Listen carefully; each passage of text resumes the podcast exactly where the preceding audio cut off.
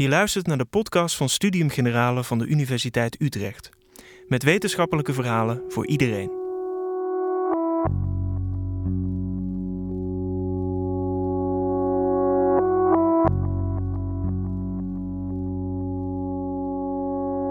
Wist je dat een derde van de Nederlandse huishoudens betalingsachterstanden heeft?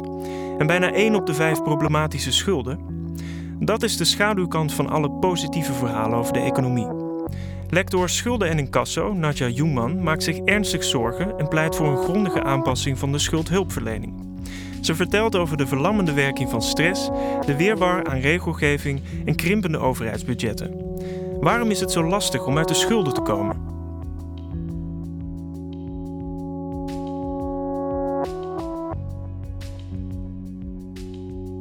Nou, wat ik vandaag heel graag wil doen, is jullie meenemen eerst maar eens in hoe groot is die schuldenproblematiek nou eigenlijk en um, hoe ontwikkelt die zich. Want we hebben natuurlijk de afgelopen jaren vooral groei gehad en we zien inmiddels wel wat gemengde signalen, dus daar wil ik graag iets over vertellen. Maar misschien nog wel belangrijker is dat ik jullie daarna ook mee wil nemen in wat doet schuldenproblematiek nou eigenlijk met mensen ik heb daar ook een heel mooi filmpje over, wat laat zien dat ook als je vol in het leven staat, dat schuldenproblematiek echt kan maken dat je tijdelijk die slechtere variant van jezelf wordt. Om daarna af te sluiten met wat zijn nou die actuele wetenschappelijke inzichten die we op die werkvloer kunnen gebruiken om mensen die met deze problematiek worstelen een stap verder te helpen en als het even kan de problemen ook daadwerkelijk met ze, voor ze op te lossen. Um, eerst maar eens te beginnen met hoe groot is nou die problematiek. Um, als je kijkt naar wat we aan cijfers hebben, dan zijn dit de meest actuele cijfers. Namelijk een derde van de huishoudens heeft betalingsachterstanden en bijna één op de vijf huishoudens heeft risicovolle of problematische schulden. Um, ik zeg wel bewust, dit zijn de meest recente cijfers die we hebben, want deze cijfers zijn inmiddels al drie jaar oud en we hebben eigenlijk geen actuele cijfers over hoe het er in Nederland met de schuldenproblematiek voor staat. Nou, wat je dan natuurlijk gaat doen is kijken naar, zijn er dan signalen die ons iets leren? want net in de inleiding werd al terecht gezegd, je ziet dat die economie aantrekt. Profiteren mensen met financiële problematiek daar dan ook van? Nou, wat we in dat kader zien zijn eigenlijk gemengde signalen. Aan de ene kant zijn er nadrukkelijk hele positieve signalen. Zo zien we bijvoorbeeld dat het aantal mensen dat uh, twee maanden achterstand heeft op zijn zorgpremie en daar een brief voor krijgt, die is in de periode 2014-2016 met een kwart afgenomen. Wat we ook zien is dat bij het bureau kredietregistratie het aantal huishoudens wat een achterstand heeft van langer dan vier maanden op de hypotheek, al twee jaar aan het afnemen is en vorig jaar met ruim 5% afnam. Wat we bijvoorbeeld ook weten is dat werkgevers in periodieke metingen van het NIBUD minder vaak rapporteren dat ze te maken hebben met loonbeslagen. En een loonbeslag is natuurlijk een signaal dat er serieus iets speelt. Want dan komt er een deurwaarder die zegt: Beste werkgever, kunt u een stuk van het inkomen aan mij geven? Want deze meneer of mevrouw heeft schulden. En ik wil dat geld aan de schuldeisers geven. En tegelijkertijd is er ook nog wel heel veel reden tot zorg. Want wat we zien is dat er een steeds grotere groep is die te maken heeft met eigenlijk te hoge woonlasten in relatie tot het inkomen. We hebben natuurlijk een huizenmarkt die eh, vastzit. Er zijn in de afgelopen jaren zijn de huren, zeker in de sociale sector, voor een grote groep mensen zijn flink gestegen. We hebben natuurlijk een soort raar systeem dat als je inkomen omhoog gaat, dat je huur meestijgt. Maar dat als je de pech hebt dat je inkomen weer daalt, dat de huur blijft steken op waar die naartoe gestegen is. We hebben in de afgelopen jaren natuurlijk gezien dat de zorgpremie jaarlijks omhoog ging en dat de zorgtoeslag niet met evenveel euro's meegroeide als dat de zorgtoeslag hoger werd. We hebben natuurlijk een aantal jaren achter de rug waarin het eigen risico uh, uh, omhoog ging. Dus wat we zien is dat met name de onderkant van de middeninkomens steeds vaker rapporteren dat ze moeilijk rondkomen. Dus ja, als je kijkt naar die cijfers, en dat zijn grote aantallen, 1 op de 5, dat is enorm. We hebben geen actuele cijfers, maar op basis van dit soort deelverzamelingen, het aantal, aantal mensen twee maanden achterstand, zorgpremie, bureau kredietregistratie, werkgevers, hebben we wel een soort idee. Het lijkt erop dat die schuldenproblematiek wat afneemt. Maar we hebben dus ook nog wel een aantal uh, negatieve signalen. Want wat we zien is dat naast dat er meer huishoudens aangeven dat ze het eigenlijk maar net redden, zien we ook dat er uh, steeds meer huishoudens zijn die um, uh, niet die weg naar die schuldhulpverlening weten te vinden. Ja, als je kijkt naar die ongeveer anderhalf miljoen huishoudens die risicovolle of problematische schulden hebben, daarvan zegt ook de Algemene Rekenkamer in een rapport uit 2016 dat ongeveer 10% van die mensen hun weg weet te vinden naar de gemeente voor hulp. En dat is natuurlijk wel heel weinig. En of het nog steeds 10% is, weten we niet. Maar een week of zes geleden heeft ook de Nationale Ombudsman wederom voor de tweede keer in die zin de noodklok geluid en gezegd: te veel mensen met grote financiële problemen komen gewoon niet binnen bij die gemeentelijke voorziening voor schuldhulpverlening. Dus het ontbreekt ons aan landelijke actuele cijfers. Maar als het niet 1 op de 5 is, maar het zou inmiddels 1 op de 6 zijn, dan gaat het nog steeds om een enorm grote groep huishoudens. Um, het is mooi dat we licht herstel zien, maar zolang de arbeidsmarkt flexibiliseert, we een grote groep mensen hebben die op tijdelijke contracten zitten, met nul uren uh, contracten soms, niet de zekerheid hebben en ook niet altijd de buffer, is er in ieder geval nog een substantiële groep die risico's loopt. Nou, de vraag is natuurlijk, als mensen dan financiële problemen hebben, wat betekent dat dan voor dat dagelijks leven? En daar is in de afgelopen jaren veel onderzoek naar gedaan. Uh, vooral veel in het buitenland. In Nederland doen we niet zoveel onderzoek naar schuldenproblematiek. Wij doen in het lectoraat uh, veel onderzoek ernaar. Er is nog een lectoraat in Amsterdam wat hier onderzoek naar doet. Er zijn ook wel wat hoogleraren, maar over het algemeen houden ze zich er dan zijdelings een keer mee bezig. Een hoogleraar recht die zich er een keer mee bezighoudt, of een hoogleraar economie of een hoogleraar sociaalpsychologie. Maar er zijn eigenlijk geen onderzoeksprogramma's aan universiteiten die zich specifiek bezighouden met schuldenproblematiek bij huishoudens. Maar als je kijkt wat we wel weten, ook vanuit Nederlands onderzoek, dan weten we onder andere dat schuldenproblematiek nadrukkelijk doorwerkt op zaken als leefstijl, psychische en fysieke gezondheid. Onderzoek, Nederlands onderzoek, toont bijvoorbeeld aan dat uh, mensen die problematische schulden hebben over het algemeen ongezonder eten, meer roken, minder bewegen. En wij zijn bijvoorbeeld in dat kader ook vanuit het lectoraat bezig met de zorggroep Almere. Dat is uh, de grote organisatie in Almere waar de huisartsen zijn aangesloten. Om te kijken of we met hun ook een project kunnen opzetten. Omdat zij gewoon constateren dat ze te vaak mensen ook met fysieke problemen krijgen, waar we eigenlijk niet echt een oorzaak voor kunnen vinden in de medische hoek, maar waarbij het vermoeden ligt dat er een relatie ligt met de aanhoudende geldzorgen. Want naast dat we weten dat mensen minder gezond eten, minder bewegen, vaker roken, weten we bijvoorbeeld ook dat het nadrukkelijk doorwerkt op mensen hun psychische gezondheid. Mensen piekeren meer, uh, mensen hebben vaker suïcidale gedachten als er sprake is van uh, schuldenproblematiek. En dit geldt natuurlijk niet voor ieder individu. Maar als je de grote deler neemt, de grote groep mensen met financiële problemen, dan zie je dat die relatief vaker ook allerlei psychische problemen hebben. En wat we ook weten uit onderzoek is dat er in ieder geval verbanden zijn. We weten niet of ze causaal zijn, maar wel verbanden zijn dat bij mensen met financiële problematiek dat daar vaker lage rugklachten voorkomen, uh, vaker overgewicht, overlopend in obesitas, dat er vaker sprake is van allerlei stressgerelateerde aandoeningen, lees, hoge bloeddruk, dat soort zaken. Dus als je daar doorheen kijkt, dan zien we dat die schuldenproblematiek zowel op onze leefstijl als op ons psychisch welbevinden als op ons fysiek welbevinden, dat er in ieder geval een verband is. Althans, nogmaals, die causaliteit die kennen we niet, maar dat het in ieder geval wel vaker voorkomt. Wat we ook weten is dat als je kijkt naar de groep mensen, stel dat jullie allemaal problematische schulden hebben en jullie hebben het niet, dat bij deze groep over het algemeen het sociaal netwerk kleiner wordt vanaf het moment dat die financiële problemen zijn begonnen. Mensen raken vaker in een isolement. Is misschien ook niet zo gek, want als ik niet zoveel geld heb, en er is iemand jarig, dan kan ik beter zeggen dat ik al iets anders heb dan dat ik zonder cadeautje aan moet komen. Die ander zal het misschien geen probleem vinden, maar ik vind het zelf vaak zo'n probleem. Datzelfde geldt voor de opvoeding.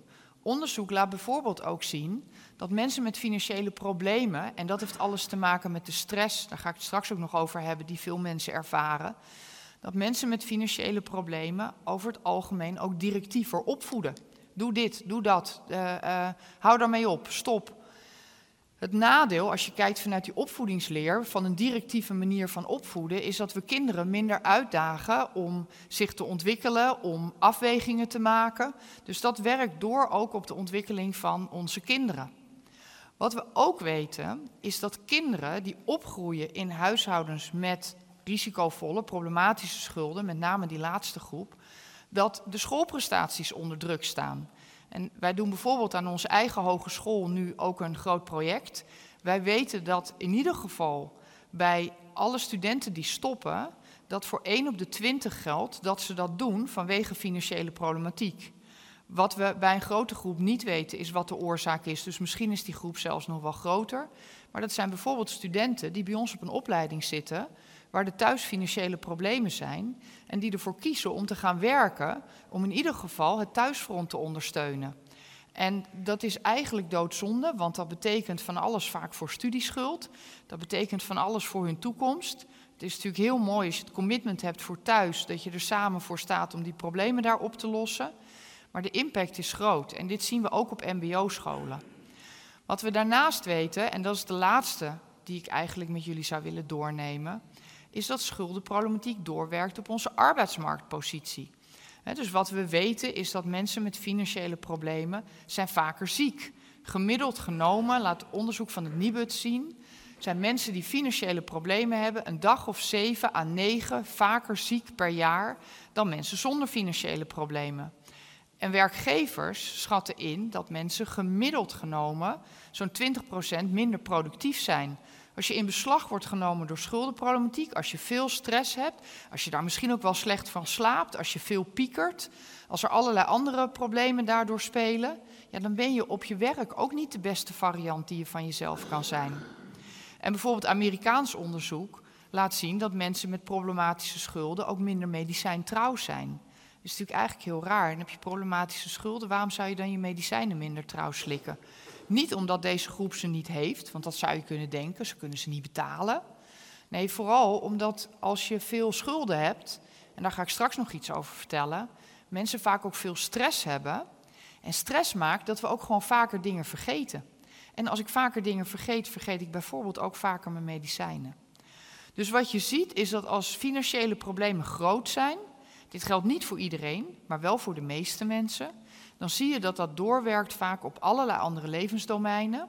En dan zie je dus ook dat mensen vaak niet alleen schulden hebben, maar dat er vaak sprake is van samenhang. Er zijn schuldenproblematiek, maar ook gezondheidsvraagstukken, opvoedvraagstukken. En dan kom je in die kluwen terecht, waarin bijvoorbeeld ook in wijkteams vaak de zoektocht is: waar moeten we nou beginnen? En hè, moeten we nou eerst die schulden oplossen of eerst met die andere vraagstukken aan de slag? En eigenlijk is het algemene beeld, we moeten met die vraagstukken tegelijkertijd aan de slag, want het is geen toeval. Ze hangen samen. Nou, de vraag is natuurlijk, wat doet financiële problematiek dan met gedrag? En er is natuurlijk vorig jaar is een hele mooie serie geweest, die heette Schuldig. Die heeft zo ongeveer alle televisieprijzen gewonnen die je maar uh, kan bedenken. Een aantal van jullie hebben hem misschien ook wel gezien. Ik zie een paar mensen ook al voorzichtig knikken. En wat je daar natuurlijk in terugzag, was dat daar hoofdpersonen in zaten die op heel verschillende manieren omgingen met hun financiële problemen. Voor degenen die de serie niet gezien hebben, er zijn journalisten geweest die hebben in Amsterdam Noord gewoon eens drie kwart jaar meegeleefd met mensen met financiële problematiek. Ze hebben mensen gevolgd die schulden hebben, maar ze hebben ook mensen gevolgd die mensen helpen met schulden. Of bijvoorbeeld de deurwaarder die dat moet incasseren. En wat je daar terug zag, was dat het heel verschillende verhalen waren. Dat we bij sommige mensen eigenlijk wel compassie hadden en dachten dat is echt pech in het leven. Dat we bij andere mensen er ook wel wat van vonden. En dat vinden, dat is wel een soort centraal ding wat goed is om even bij stil te staan. Want schuldenproblematiek maakt ook dat we vaak ander soort afwegingen gaan maken. En ik werk als lector, maar ik werk ook uh, twee, drie dagen in de week uh, als trainer. En dan geef ik trainingen, bijvoorbeeld in wijkteams. Maar ook aan uh, mensen die werken als uh, uh, reïntegratie, in de reïntegratie als inkomensconsulent of werkconsulent. Dus dat zijn mensen die hè, proberen om uh, mensen die zonder werk zitten naar werk te begeleiden. En als je daar vraag, de vraag stelt, wat zie je bij mensen met financiële problematiek wat verwondert, dan zie je vaak dat je antwoorden krijgt als dat mensen van die rare afwegingen maken. Dat ze uh, voor een kinderpartijtje niet alleen gaan bolen, maar dat ze ook nog gaan karten. Terwijl als je nou heel weinig geld hebt, dan ga je toch niet bolen en karten tegelijk voor 250 euro. Dan zorg je toch dat je naar het bos gaat en dat je een, uh, een speurtocht uitzet. Of dat mensen heel veel huisdieren hebben. Of dat mensen uh, uitgebreide abonnementen hebben. He, Carmelita in de serie Schuldig, die had een televisieabonnement voor 90 euro per maand. En het was uitgesloten dat ze het wegdeed. En daar vond Nederland wat van. Daar vond Nederland ook op Twitter wat van en op andere plekken. En tegelijkertijd, als je kijkt naar die literatuur die eigenlijk uitlegt wat gebeurt er nou als mensen financiële problemen hebben, dan is het gegeven dat als je financiële problemen hebt, dat je soms afwegingen maakt waar anderen zich over verbazen, kunnen we steeds beter uitleggen. Nou, daar wil ik straks iets over vertellen, want ik wil jullie eerst meenemen naar de vraag hoe komt het nou dat mensen zoveel stress hebben als ze financiële problemen hebben? En wat ik heel graag wil doen, is eerst maar eens even stilstaan bij de dynamiek waar je in terecht komt als je in financiële problemen komt. Want stel nou, dit is een gezin. De meneer heeft een inkomen, mevrouw heeft een inkomen, er zijn financiële problemen. En stel dat er een deurwaarder komt. En die deurwaarder die legt beslag op het inkomen van mevrouw dan wordt er door die deurwaarder eigenlijk van dit gezin gevraagd om vooral alle gegevens over het inkomen en de uitgaven door te geven. Dus hoe hoog de woonlasten zijn, of er sprake is van bijzondere ziektekosten. Een hele reeks van gegevens wordt er gevraagd om te berekenen hoeveel geld mag je nou overhouden. Want de wet schrijft eigenlijk voor, iedereen heeft, als er beslag wordt gelegd door een deurwaarder, recht om 90% van de voor hem of haar geldende bijstandsnorm over te houden. Maar die hele beslagvrije voet, want zo noemen we dat ding, dat is eigenlijk het bedrag wat je over mag houden als er beslag wordt gelegd.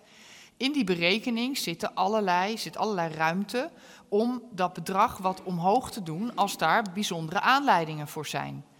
Maar wat we zien is dat heel veel mensen toch vooral het idee hebben, die deurwaarder wil van alles van mij weten, maar die deurwaarder is de vijand. Daar moet je toch niet gaan vertellen hoe hoog je woonlasten zijn en je reiskosten, want wat doet hij met die informatie? Als mensen het zich überhaupt al bewust zijn dat die informatie gevraagd wordt. Want er zijn natuurlijk ook genoeg mensen die de stukken misschien wel krijgen, maar die ze überhaupt niet doorlezen. En wat we dus in de praktijk zien, en we weten niet hoe groot die groep is, maar wel dat die substantieel is. Wat we in de praktijk zien is dat veel mensen die gegevens helemaal niet doorgeven. En wat er dan gebeurt, is dat mensen niet uiteindelijk een bedrag overhouden dat gelijk is aan 90% van de voor hen geldende bijstandsnorm. Wat al een enorme klus is om van rond te komen. Want een bijstandsuitkering is al een enorme klus om van rond te komen, laat staan 90%. Maar wat er dan dus gebeurt, is dat mensen onder die 90% van de bijstandsnorm duiken. En als je bijvoorbeeld kijkt naar de plekken waar we hier wel eens op geturfd hebben, dan hebben bijvoorbeeld de sociaal raadslieden in Arnhem hebben wel geturfd hoeveel procent van de mensen met financiële problemen die bij ons om hulp vragen, hebben nou een goede berekening. En dat bleek maar 20% te zijn. Met andere woorden, 80% van de mensen die zich daar melden, en nogmaals, we weten niet of dat representatief is. Ik ben geneigd om te denken, op het totaal zal het wel iets beter zijn.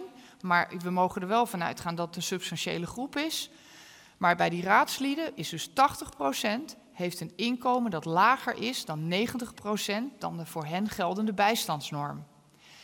En dan wordt het wel heel ingewikkeld om geen nieuwe schulden te krijgen. Dan zie je dat mensen heel snel in die spiraal naar beneden terechtkomen.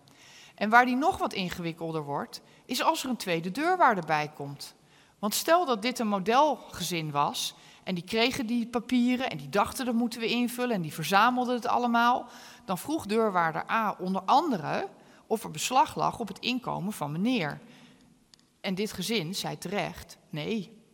Maar vervolgens kwam deurwaarder B en die vroeg ook of er beslag lag op het inkomen van de partner, in dit geval mevrouw. En dan zeg je ja. En dan heb je toch het idee, dan heb je alles goed ingevuld. Je hebt het wel ingevuld. Maar toch duik je onder die 90% van die bijstandsnorm. Waarom?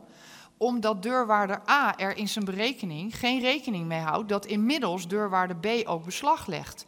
Met andere woorden, wat deze, dit gezin moet doen, is ze moeten zelf, nadat ze de papieren voor deurwaarder B hebben ingevuld, terug naar deurwaarde A met de boodschap: Mijn situatie is veranderd. Er is een deurwaarde B bijgekomen op het inkomen van meneer. Kunt u alstublieft die berekening aanpassen? Want als u blijft inhouden wat u uh, aanvankelijk al inhield, dan kom ik onder die 90% van de bijstandsnorm.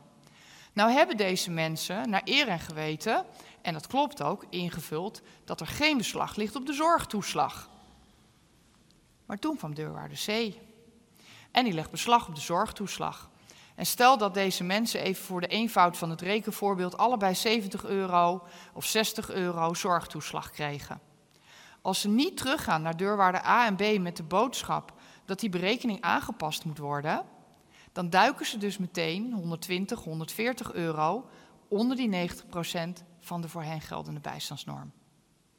En dan is het misschien ook weer niet zo raar dat als de sociaal raadslieden gewoon eens gaan turven bij hoeveel mensen klopt die berekening nou, dat die bij heel veel mensen niet klopt. Maar dat betekent dus ook, als je dat op je in laat werken, dat er gewoon heel veel mensen zijn waarvoor geldt dat ze niet eens 90% van de bijstandsnorm te besteden hebben, maar zelfs nog een stuk minder. En dat ze in die context ook nog eens te maken hebben met een woud aan incassobevoegdheden. Want wat we de afgelopen jaren gedaan hebben, is dat we in allerlei losse stukken wetgeving allerlei partijen ook aanvullende bevoegdheden hebben gegeven. Zo hebben we bijvoorbeeld sinds 2009 de overheid de bevoegdheid gegeven om vorderingen tot 1000 euro direct bij mensen van hun bankrekening af te schrijven. Weliswaar maximaal in twee keer, dus één keer 500 en nog een keer 500. Of als het een lager bedrag is, in ieder geval hè, per keer een maximum van 500 euro. Maar stel dat er 600 euro uitstaat en er gaat een keer 500 vanaf en een keer 100, of een keer 300 en nog een keer 300.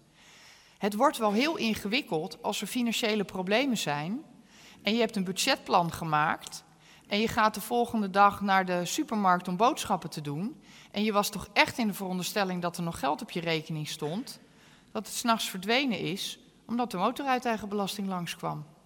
Of omdat er een andere overheid langskwam die een stuk van je rekening afschreef. En als je de mogelijkheid hebt dat je rood mag staan, dan mogen deze vorderingen zelfs tot in je roodstand afgeschreven worden. Wat er ook nog speelt, is dat we ook sinds 2009 een systeem hebben geïntroduceerd. waarbij het zo is dat als mensen zes maanden geen zorgpremie betaald hebben. en dat zien we helaas vooral bij jongeren, dat het daar relatief het vaakst gebeurt. dan komen ze in een systeem dat noemen we de bronheffing. En wat we dan gaan doen is, we hebben een overheidsinstelling, die heet het CAK. En wat die gaan doen is, die gaan direct naar jouw inkomstenbron. Dus die gaan direct op je uitkering of op je inkomen gaan ze die zorgpremie inhouden. Nou klinkt dat misschien nog niet zo gek, maar wat ze ook doen is een zogenaamde bestuursrechtelijke premie inhouden. En dat noemen wij in, in ons veld, in de volksmond, wel gewoon de boete. Want er wordt dan elke maand ook nog 25 euro extra afgeschreven die niet dient ter aflossing. Dus je bent opeens 25 euro per maand meer kwijt voor je basispremie. En dat systeem dat stopt pas als je je hele zes maanden premie plus alle deurwaarderskosten die er inmiddels bij zijn gekomen. En dat zijn vaak honderden euro's, voordat je die helemaal weer hebt ingelopen. Dat is een soort fuik waarin we zien dat die groep die er hierin terechtkomt, er is een kleine groep die het lukt om vrij snel er ook weer uit te komen. Maar de groep die er wat langer in zit, ja, dit is een soort Bermuda-driehoek. We hebben een enorm grote groep mensen die er eigenlijk niet meer uitkomt. Wat we sinds een jaar hebben is dat zorgverzekeraars wel de mogelijkheid bieden dat je een betalingsregeling kan treffen en er dan weer uit kan. Maar dat is pas sinds een jaar. Dus in de afgelopen jaren zijn er talloze mensen verstrikt geraakt in dit systeem. Wat we daarnaast hebben is dat, en dit bestaat al heel lang, dat een deurwaarder beslag mag leggen op de inboedel, op de auto, uh, maar bijvoorbeeld ook op de bankrekening. En dat geeft in ieder geval een hoop stress. Want het idee dat je inboedel misschien verkocht wordt, is voor veel mensen toch ook wel een aanleiding om te zorgen dat die deurwaarde voor mag. Dat betekent dat ik anderen niet betaal, dat daar weer nieuwe problemen ontstaan, dat ik nog meer ballen hoog moet houden in dat jong leren. En daar zitten hele rare dingen in. Want bijvoorbeeld dat beslag op die bankrekening, in onze digitale samenleving zou je denken, dan moet je toch vrij snel kunnen regelen. Wat er gebeurt bij beslag op de bankrekening, dat gaat echt op de minuut, op de seconde. dus we leven nu uh, drie, vier minuten voor half negen. Als een deurwaarder nu beslag legt op mijn bankrekening, dan wordt er beslag gelegd om 20 uur 22. En dan moet de bank kijken welk bedrag er om 20 uur 22 op mijn rekening stond.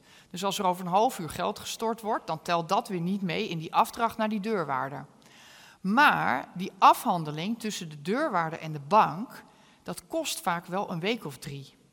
En als je een beetje pech hebt, zit je als debiteur bij een bank waar je zo 100, misschien wel 150 euro kwijt bent om je bankrekening weer te mogen gebruiken. En als je met deze optelsom te maken hebt, en dan sla ik deze nog even over omwille van de tijd, dan is dit natuurlijk het gevoel wat er overblijft. Hoe krijg ik in hemelsnaam grip in een wereld waarin ik eigenlijk continu, als er beslag wordt gelegd op verschillende stukken inkomen, ik continu overal met, hè, met mijn deurwaarders moet afstemmen dat ze mijn berekening bijstellen, dat er beslag kan gelegd worden op mijn bankrekening, op mijn inboedel, dat er geld direct van mijn bankrekening uh, af mag, dat ik misschien ook nog wel die 25 euro per maand kwijt ben aan uh, mijn zorgverzekering, wat, wat niet naar de aflossing toe gaat.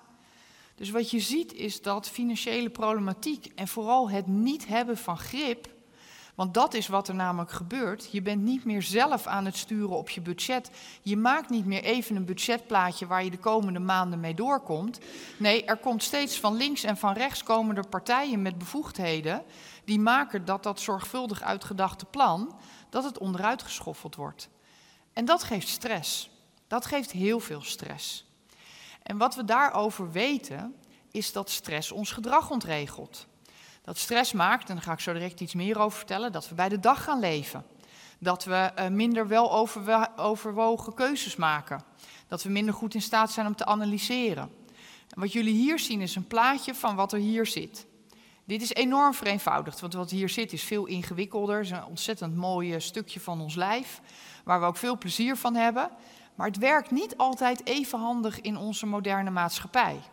Want als je kijkt naar die drie gedeelten die ik hier heb aangegeven, dan zit daar de hersenstam, die zit hier achter. Dan heb je het limbisch brein, dat is eigenlijk een soort klomp die hier eh, in het midden van je hoofd zit. En de cortex, dat is die, die, zeg maar, die soort walnoot die je vaak op plaatjes uh, ziet. En deze drie zijn heel bepalend voor ons gedrag. Want dat limbisch brein is het gedeelte van je brein waar eigenlijk alle signalen van je zintuigen binnenkomen. Wat je ziet, wat je hoort, wat je voelt, wat je proeft, wat je ruikt. En in dat limbisch brein, daar zit een stukje, dat heet de amygdala. Die term mag je weer vergeten. Maar die amygdala is eigenlijk het stukje van onze hersenen die in een split second de afweging maakt veilig of niet veilig. En op het moment dat hij de afweging maakt niet veilig, dan gaat er over het algemeen een signaal naar die hersenstam en dan komen wij in opperste staat van paraatheid. Er gebeurt van alles met onze bloeddruk, met onze hartslag, met onze ademhaling. Maar wat er ook gebeurt is dat we daarmee vaak, doordat we stresshormonen aanmaken, in onze reflexen schieten. Nou, wat zijn reflexen? Dat is vechten, dat is vluchten, dat is bevriezen. In de literatuur zeggen ze inmiddels, er is nog een vierde reflex. Dat is tent and befriend. Dus ik ga vooral babbelen om de situatie onder controle te krijgen. Maar het schieten in zo'n reflex is de verklaring waarom mensen met financiële problemen soms dingen doen waarvan die schuldhulpverlener of die budgetcoach of die wijkteamprofessional na afloop zegt, maar waarom doe je dat nou? Want dan komt die deurwaarder aan de deur, ik doe de deur open, ik denk shit, deurwaarder. Ik schrik, en die wil met mij een betalingsregeling. En om de situatie onder controle te krijgen, zeg ik ja tegen een betalingsregeling van 50 euro. Dat doe ik redelijk in een reflex. Dan kan je me na afloop wel vragen wat de ratio daarachter is. Maar dat is hetzelfde soort gedrag. Dat als ik mijn auto hier in Utrecht ergens geparkeerd heb, ergens in de buurt van een hoop bosjes. En ik loop straks na afloop van deze lezing naar die auto. En ik zie opeens dat er een man in die bosjes staat dan is de kans groot dat ik niet weet hoe snel ik moet zorgen dat ik mijn auto inkom en klik de deur op slot. Het is natuurlijk niet zo dat ik op mijn dode gemak me ga staan afvragen: zou dit nou iemand zijn die het op mijn laptop heeft voorzien? Of zou dit een soort bioloog zijn die nachtvlinders bestudeert? Nee, ik maak in een split second een afweging, schiet die auto in. Ik maak in een split second een afweging en aan de deur spreek ik iets af met die deurwaarder waar niet een heel weldoordacht plan onder ligt. Want wat heb ik nodig om weldoordacht te handelen? Dat is dat wat hier in die prefrontale cortex zit. Dat zijn wat we in de literatuur noemen onze executieve functies. Dat zijn mijn denkfuncties waarmee ik kan plannen, waarmee ik kan organiseren. Dat is ook mijn metacognitie. Metacognitie is dat je in staat bent om eigenlijk als het ware met een helikoptertje boven jezelf te hangen en ook de wisselwerking tussen jou en je omgeving uh, te overzien. Dat gaat ook over je werkgeheugen. Werkgeheugen is waar je informatie opslaat. Het gegeven dat mensen met financiële problemen vaker hun medicijnen vergeten, heeft te maken met een verminderde beschikbaarheid van dat werkgeheugen. Maar datzelfde werkgeheugen is ook de verklaring waarom we zien dat mensen met financiële problemen ook vaker afspraken vergeten. Met hun schuldhulpverlener, met een schuldeiser. En als we niet oppassen, dan zien we dat jij niet op je afspraak komt. En dan vragen we ons af, maar hoe gemotiveerd zou ze zijn? En wat er ook onder druk komt te staan, zijn onze impulsbeheersing en onze, onze uh, emotieregulatie. Als we heel gestrest zijn, en denk maar aan jezelf in perioden waarin je misschien veel op je bordje had, of misschien zelfs wel nu, dan krijgen we ook een korte lontje. We hebben meer moeite om onze emotie te reguleren. We hebben meer moeite om tot tien te tellen. We hebben ook meer moeite om onze verlangens te sturen. En dan ben ik wijkteam professional. En dan kom ik bij jou langs en dan ligt daar een iPhone 10. En denk ik, nou, en daarvan zeggen wij vanuit de literatuur: stop weg die verbazing. Als je langdurig onder aanhoudende stress staat, wordt het moeilijker om verlangens te sturen. Het wordt dus ook moeilijker om dat soort afwegingen te maken. Sterker nog, wat we steeds beter weten is, mensen gaan vooral meer bij de dag leven, gaan afwegingen maken in het hier en nu. Wat we ook weten is dat ze minder aandacht hebben voor de doorwerking van hun handelen op andere levensdomeinen. Dus de financiële afwegingen die ik maak, wat betekent dat voor de opvoeding van mijn kinderen? Of wat betekent dat voor het veiligstellen in de toekomst van mijn huisvesting? Nee, de afweging die ik maak, die maak ik in hoge mate in het hier en nu. En als je dit interessant vindt, dan is dit een ontzettend aardig boek om te lezen. Dit is geschreven door twee hoogleraren. De een komt van Harvard, de ander van Princeton. De een is sociaal psycholoog en de ander is gedragseconoom. En wat zij in dit boek beschrijven is hoe een tekort aan geld, maar ook aan tijd, ons gedrag beïnvloeden. En zij beschrijven eigenlijk al deze dingen. En wat zij daarin ook aan de orde brengen, is dat er onderzoek is dat erop wijst dat de beschikbaarheid van ons IQ zelfs door die aanhoudende stress met een punt of 13 onder druk kan komen te staan. Nou, het gemiddelde IQ in Nederland is 100 de deskundigen zijn het er niet helemaal over eens waar nou de grens ligt waar we hè, richting lichtverstandelijk beperkt gaan. Voor lichtverstandelijk beperkt kijken we ook niet alleen naar IQ, maar ook nog naar een aantal andere vermogens. Maar zo ergens rond de, uh, rond de 75, 80, daar wordt toch over het algemeen wel de grens gelegd als het gaat om lichtverstandelijk beperkt. Als ik met een gemiddeld IQ van 100 een punt of 13 inlever, dan ga ik wel heel dicht naar de grens waarin het ook wel heel ingewikkeld wordt om me in deze maatschappij staande te houden. En wat je ziet is dat mensen steeds minder goed in staat zijn om zichzelf ook te zien, en dat heeft met die metacognitie te maken, als degene die het verschil maakt. Als ik niet meer geloof dat mijn gedrag ertoe gaat leiden dat ik de problematiek oplos, dan probeer ik het ook minder. En als ik het minder probeer en jij ontmoet mij, dan denk je, maakt er helemaal niks uit. Ze is helemaal niet zo gemotiveerd. Dus wat wij zeggen vanuit het onderzoek is: pas op dat als je mensen bepaald gedrag ziet vertonen, als je mensen bepaalde afwegingen ziet maken, als je mensen bepaalde bestedingen ziet doen, dat je het niet afserveert als ongemotiveerd. Want het zou maar zo kunnen zijn dat het niet ongemotiveerd is, maar dat het vooral gedrag is wat laat zien dat de stress zo hoog zit dat levend bij de dag met een focus op het nu mensen afwegingen maken die, als er geen dag van morgen zou zijn, helemaal niet zo onverstandig zijn. Alleen er is wel een dag van morgen en daarmee creëren ze, zonder dat ze het vooraf overzien, eigenlijk hun probleem van morgen. En wat je daarmee ziet, en zo noemen wij dat wel, is dat mensen met financiële problematiek af en toe ook als het ware gegijzeld raken in hun eigen dynamiek. Ik maak afwegingen op de korte termijn en door die afwegingen kom ik in het probleem van morgen. En als het morgen is, maak ik weer een afweging op de korte termijn en ik kom als het ware weer terecht in het probleem van morgen.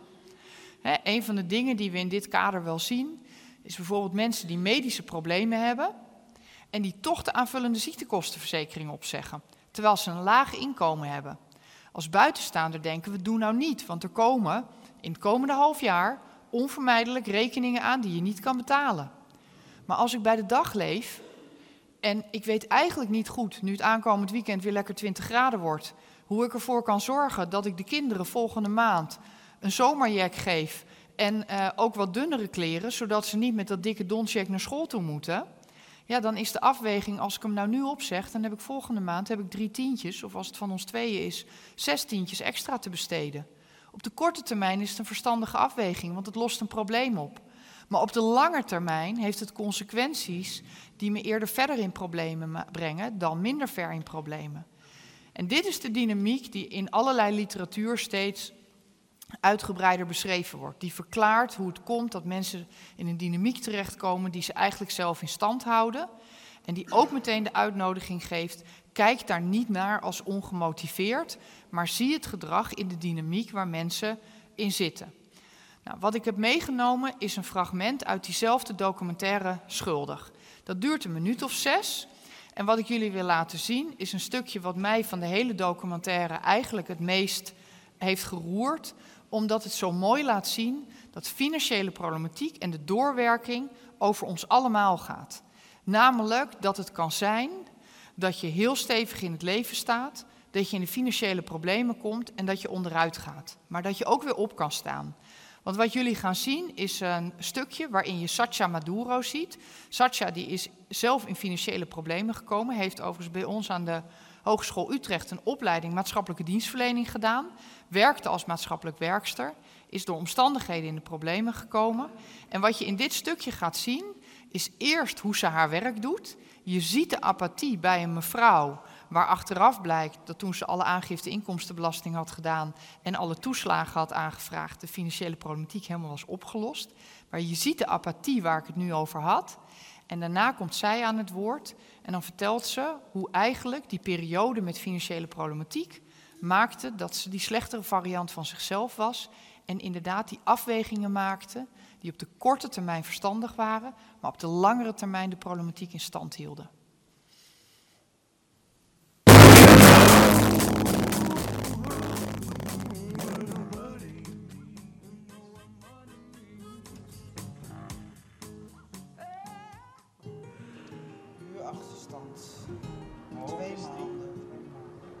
Satya en Milut gaan de deuren van wanbetalers af. Ze proberen hun te bereiken voordat de deurwaarder bij ze aanbelt.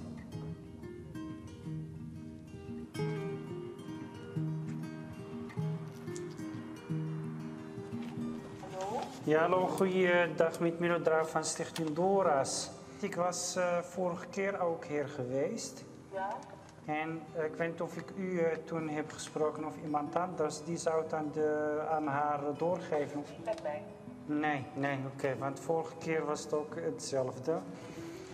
Maar ja, ze zei dat ze het, uh, dat ze het niet was. Ja, mensen moeten zelf weten op een gegeven moment, Milut. Nee, inderdaad. Nee?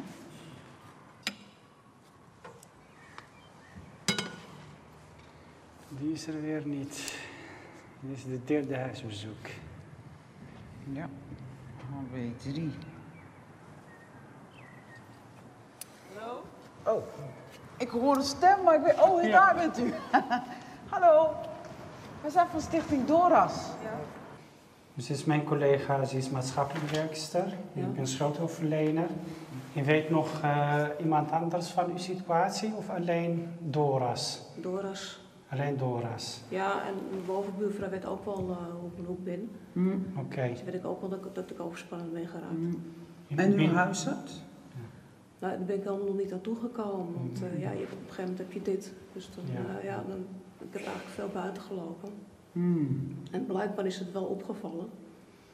Maar ja. En u heeft buiten gelopen, hoe bedoelt u dat? Nou ja, dat je geen rust hebt om hier te zitten. Dan komen oh, de buren op je af. Ja. Ja, ik eh, ben de weg kwijtgeraakt gewoon. Oké. Dus het enige eh, wat ik deed was nog wel uit de brievenbus halen. Maar je hebt helemaal geen overzicht meer. Nee. Ja, dat is mijn 06-nummer. Ja? Maar die heb- eh, doet het op het moment niet meer. Oh, oké. En ik heb hier ook een huisnummer. Ehm, ja, die doet het op het moment ook niet. Oh jee. Nee, oké. En hoe gaan we Hoe communiceren gaan we met u elkaar? bereiken? Een e-mailadres misschien? Heeft u, nee, dat werkt bij mij op dit moment niet meer, want Nee. ik ben afgesloten. Oké.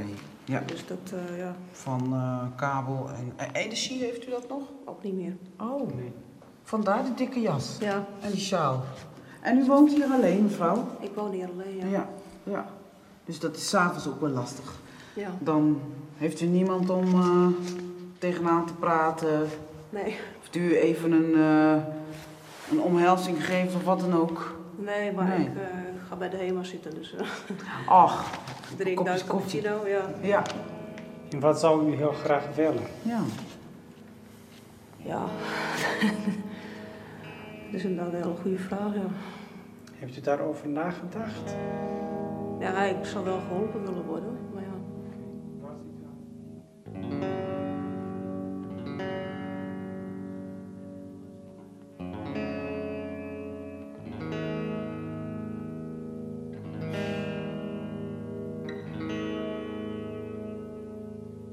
Ze heeft niks meer. Geen warm water. Ze is ook helemaal lam geslagen. Ja. Satya weet precies hoe de vrouw zich voelt. Nog niet eens zo heel lang geleden was ook zij de regie over haar leven kwijt. Zo. Je hebt koek gegeten, hè? Dan zat het op je lip. Gaan we even naar jouw kamer, Senna? Uh, Koudhuis. Dan gaan we even jouw haren smeren. Dan gaan wij zo ehm, Nee? naar de winkel. Ja? Ja? Ga je met mama mee? Even wandelen. Goed zo. Wauw. Hm. Dat ben je mooi, hè? Uh, bouw kop ook. Ja, we gaan zo lopen. Kijk zo mooi je bent.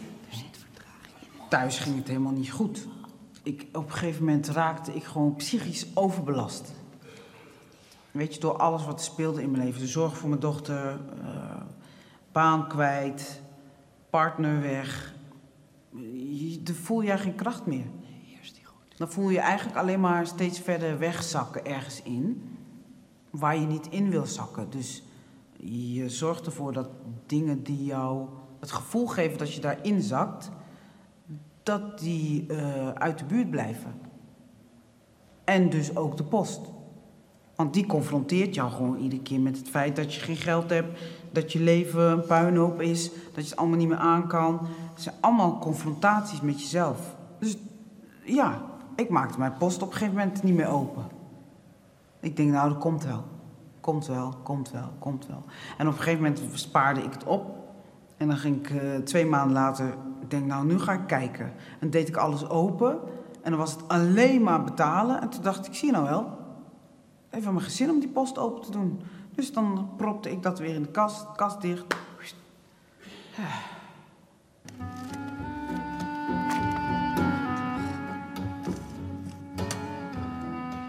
En dan komt er ineens een brief binnen. Dat is dan in een periode dat je nog wel je post open doet. En dan komt er een brief binnen van de Weekamp met een pasje. En er staat op, uw bestedingsruimte is nog 5000 euro. En dan denk je? Hoezo? Maar je denkt, oh wacht even, 5000 euro. Dat betekent dat ik 500 euro, als ik 500 euro ervan afhaal, is maar 500 euro, ja. Dan eh, kan ik mijn huur betalen volgende maand. Je bent niet bezig met, is dit verstandig op lange termijn? Via je account of zoiets kon je het gewoon overmaken, 500 euro, naar je bankrekening. En dat was binnen twee uur gebeurd. Daar hoefde je echt niet lang op te wachten hoor.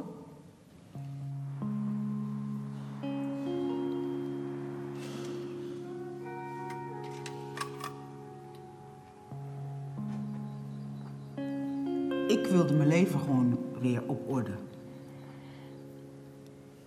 En toen ben ik gegaan met eh, twee Dirk van den Broek tassen vol. Naar Doras.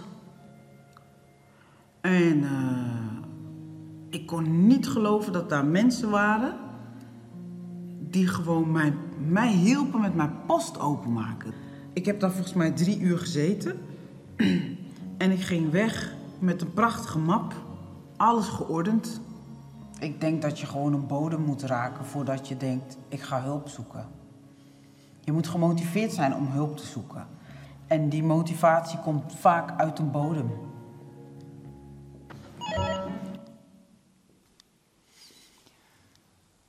Dus dit was misschien een wat lang fragment, maar wat ik er zelf zo ontzettend mooi aan vind, is dat het laat zien, dit gaat over ons allemaal.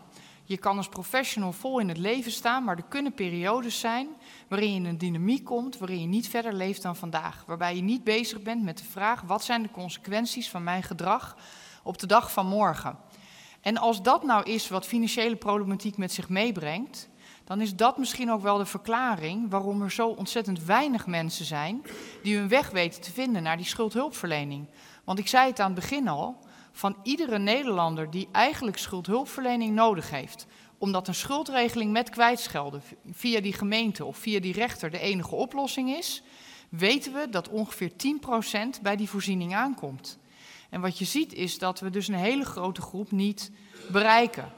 En als je kijkt naar wat we dus inmiddels aan het ontwikkelen zijn, en ik zei daar straks al, wij zijn vanuit het lectoraat onder andere in Alphen aan de Rijn bezig, maar er zijn inmiddels een gemeente en een organisatie of 50 die bezig zijn om eigenlijk vanuit die inzichten uit die hersenwetenschap, namelijk dat die aanhoudende stress maakt dat die ander de slechtere variant van zichzelf wordt, dat hij vaker dingen vergeet, dat hij meer moeite heeft om in actie te komen, dat hij meer moeite heeft om zijn verlangens te sturen, dat hij meer moeite heeft om door te zetten, dat hij meer moeite heeft om ook überhaupt de hele verhaal waar hij in terecht is gekomen te taxeren op de risico's die er ook daadwerkelijk zijn.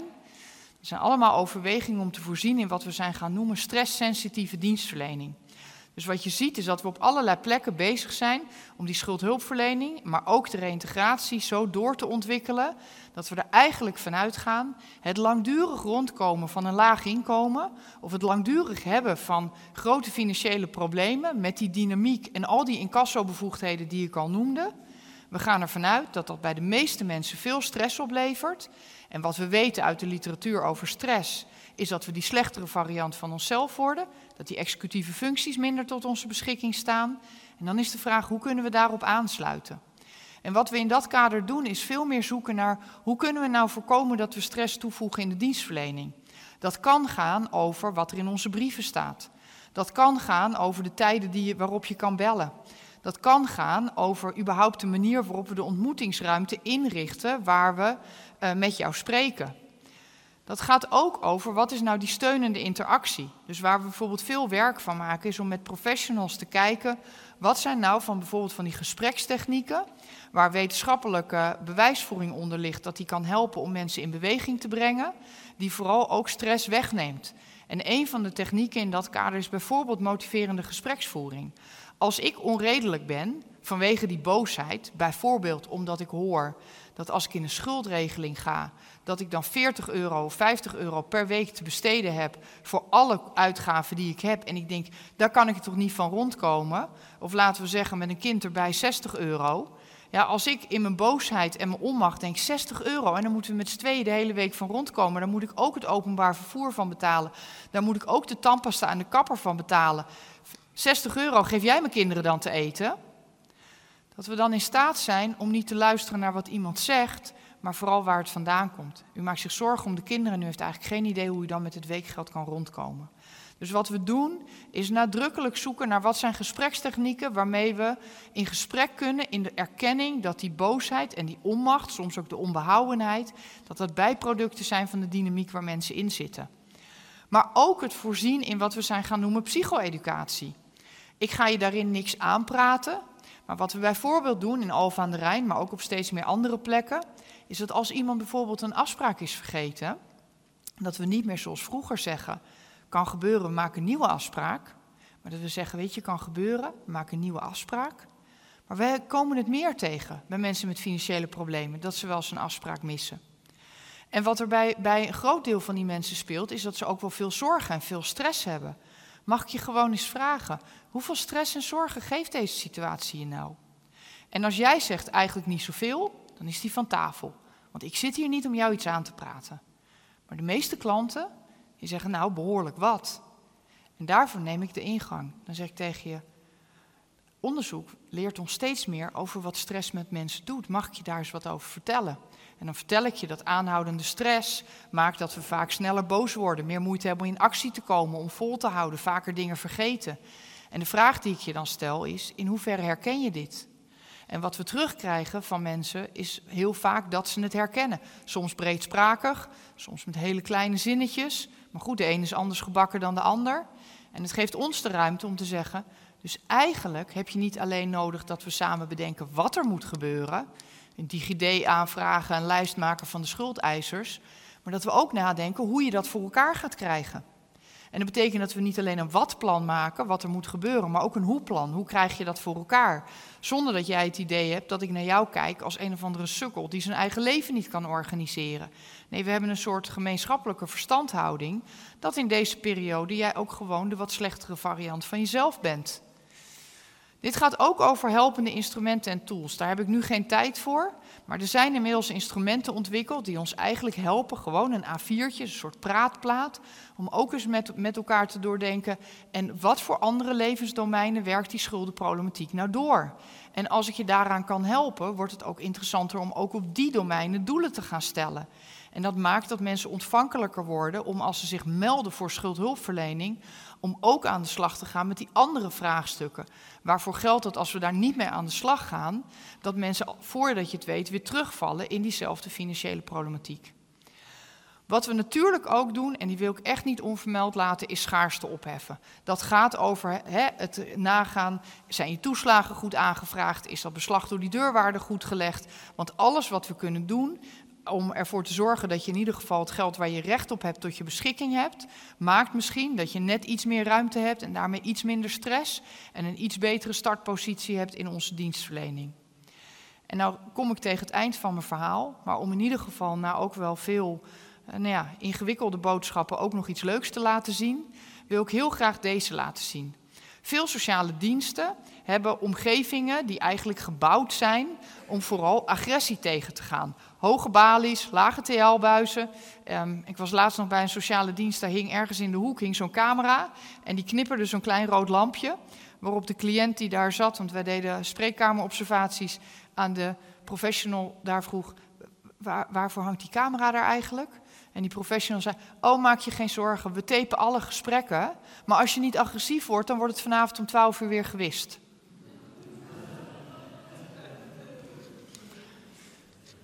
Blijkbaar is dit een omgeving waar veel mensen agressief worden. Blijkbaar ga jij dus dingen zeggen waarvan ik me moet afvragen hoe ik daarop ga reageren. Die amygdala maakt in een split second een afweging als ik ergens binnenstap, veilig of niet veilig. Hoge balies, lage TL-buizen, zeker een camera, geeft ook wel een signaal niet veilig. Dat betekent dat met een beetje pech ik in mijn reflexen ook nog meer moeite heb om mijn emotie te reguleren. In de Drechtsteden zijn we bij de sociale dienst met dat hele gedachtegoed van die stresssensitieve dienstverlening aan de slag gegaan. En die hadden gelukkig een momentum om ook te kijken naar de inrichting van hun ontvangstruimtes. Wat ze daar gedaan hebben, is de oude inrichting weggedaan. Ze hebben hem opnieuw ingericht. En de, vooral de belangrijkste boodschap als je daar binnenkomt is: je bent hier welkom. We willen je graag ondersteunen. We willen weten wie je bent en hoe het met je gaat. En wat ze daar zien, is dat het aantal agressieincidenten is teruggelopen van een stuk of twintig per maand naar een stuk of vijf. Nou, dit zijn het soort dingen waar we aan werken. Dit zijn ook het soort successen die we in de praktijk proberen te boeken. Daarmee zijn de schulden nog niet opgelost. Maar het zijn wel allemaal deze kleine knopjes. Als er minder agressieincidenten zijn, als jij met minder stress tegenover me zit, kan ik een beter gesprek met je voeren. Kunnen we beter nadenken, niet alleen over wat er moet gebeuren, maar ook hoe je het voor elkaar krijgt. Als we daar een beter plan op hebben, is de kans dat je het voor elkaar krijgt groter. En op die manier, in hele kleine stapjes, proberen we toe te werken naar een manier van dienstverlenen waarin we uitgaan van dat jij de slechtere variant bent van jezelf, dat je gemotiveerd bent om de problemen op te lossen, maar dat we je een context moeten bieden waarin je succesvol kan zijn in die dynamiek die als we niet oppassen je anders nog heel lang gegijzeld houdt. Dit is wat ik heel graag wilde delen. Ik hoop dat ik jullie daarmee ook een soort inspiratie naar de toekomst heb kunnen geven. In die zin ben ik optimistisch. Maar er ligt ook nog wel een klus. Want te veel mensen komen niet terecht op de plek waar ze moeten, namelijk die schuldhulpverlening. Als we aan dit soort knoppen kunnen gaan draaien, mensen welkom heten en op weg helpen, misschien hier en daar nog een stukje wetgeving aanpassen, zodat dat woud van die incassobevoegdheden wat minder ingewikkeld wordt. Nou, misschien dat ik dan over vijf jaar hier nog eens een positiever verhaal mag houden. Dank jullie wel.